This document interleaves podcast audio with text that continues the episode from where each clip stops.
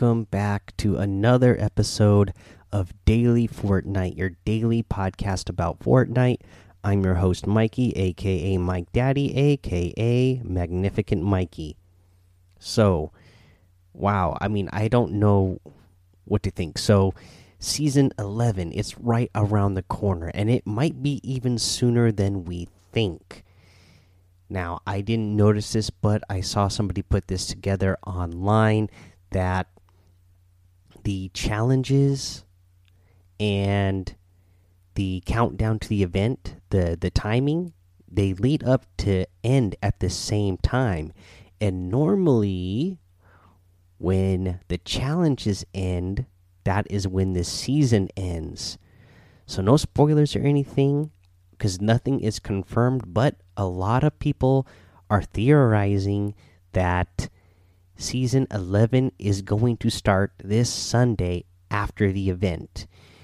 People are thinking what is going to happen is that we will get the in game event on Sunday at 2 p.m. Eastern as the countdown is leading up to.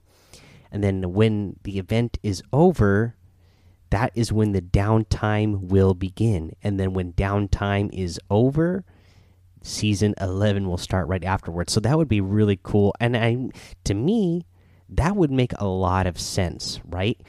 Because as we know, the biggest audience that Fortnite has, you know, are mostly still of school age.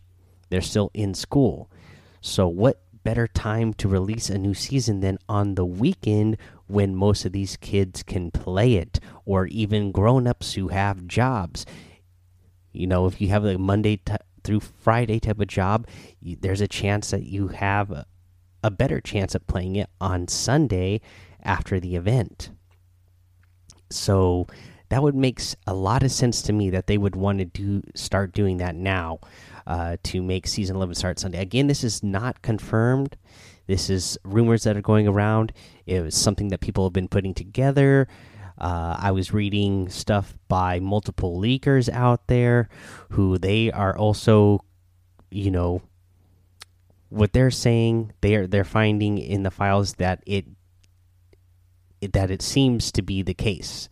Again, unconfirmed, but I just kind of wanted to mention that because that could be really uh, exciting because we thought you know we would still be getting you know season 11 after that i assumed that season 11 was going to be an update just like the rest of the updates that would come in the middle of the week but it sounds like potentially we could be coming uh, sunday the 13th at 2 p.m eastern we'll see the we'll see the in-game event that will cause uh, downtime to come for Fortnite and then season 11 afterwards. So that could be really exciting if that is true. So just keep an eye out on that.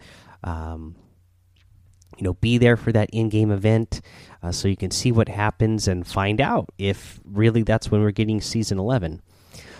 Uh, but speaking of season 11, since there's really not a whole lot of news uh, to give lately, I went ahead on Discord and asked everyone with season 11 just around the corner, what are you all hoping for?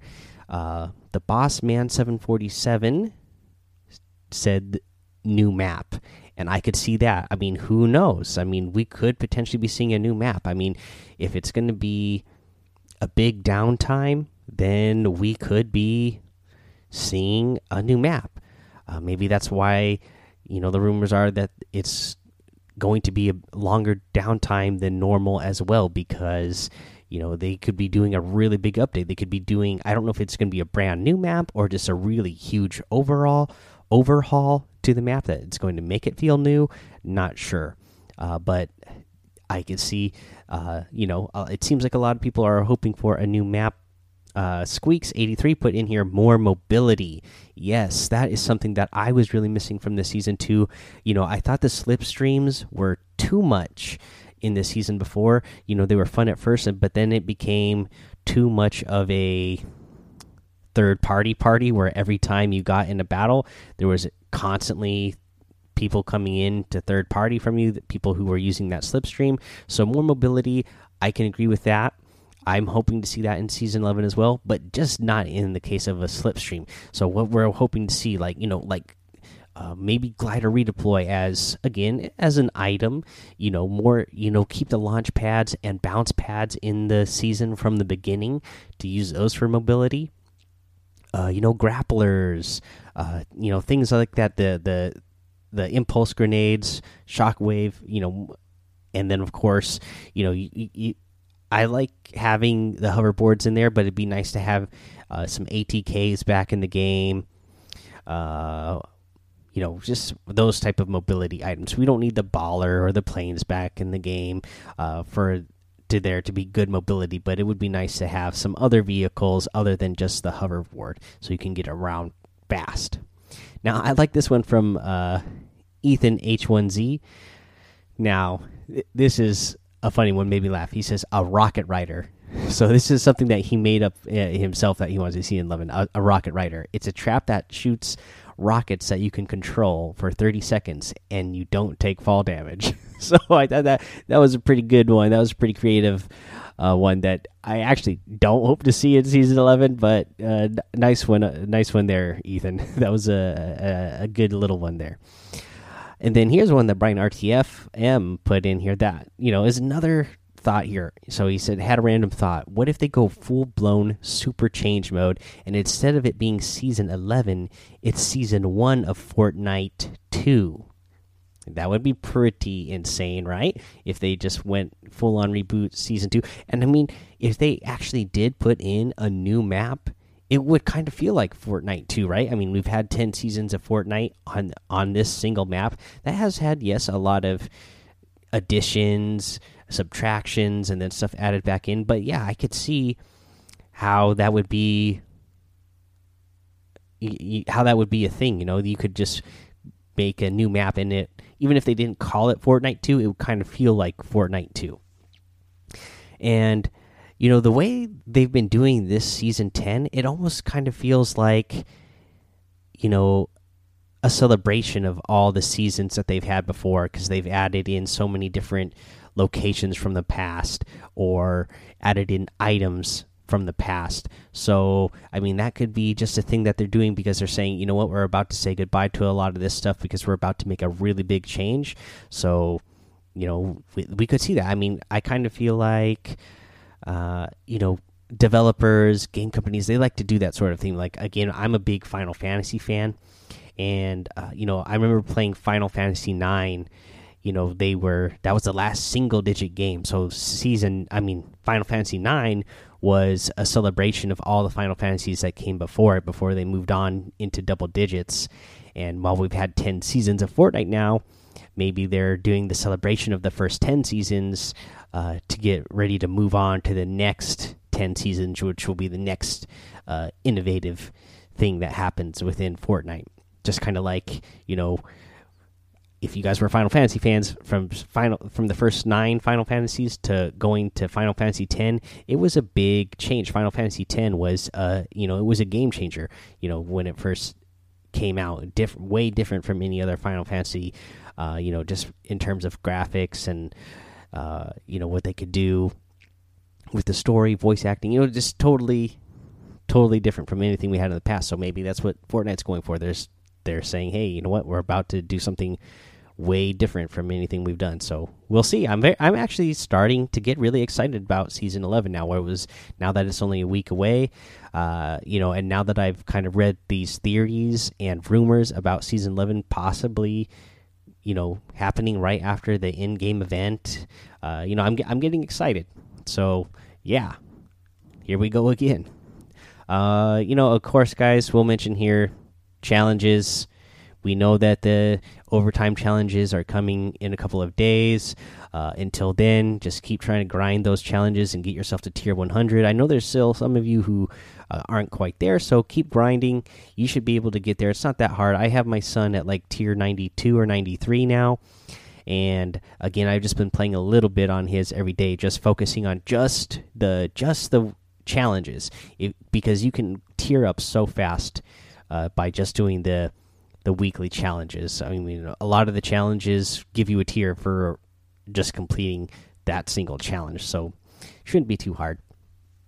All right, guys, let's go ahead. We'll take a break here. We'll come back and we will go over the item shop and uh, a tip of the day. All right, let's go over this item shop. And we still got that awesome outfit that we had yesterday the Ruby outfit. Still absolutely love this one. The Stripe Slicer Harvesting Tool and the Sky Stripe Glider really good looking set. Now, one of my favorites is back in the game once again. The Raven outfit. Man, I remember this was the first one that people absolutely lost their minds for. I've been wanting it the whole time, but still, you know, season 11 right around the corner. I mean, I have more than enough V bucks, but I would really just I'm trying to save my V bucks for season 11 but of course fortnite makes it hard because i've been wanting this one for however long it's been since it came out now. But i think i'm gonna i think i'm gonna be able to have some self-control because i know season 11 is right there. Also the ravage outfit is in the item shop.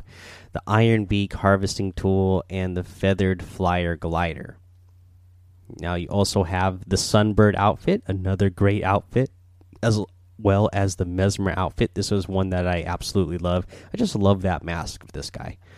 The Axe Tech harvesting tool and the Sunrise glider as well. You have the Focus outfit, the Hot and Cold wrap, the Scarlet Defender outfit, the Behold emote, the Shaolin sit up, and the Face Palm emote. Of course, if you go to the store, you can always get that P1000 challenge pack and the uh, Batman uh, bundle pack.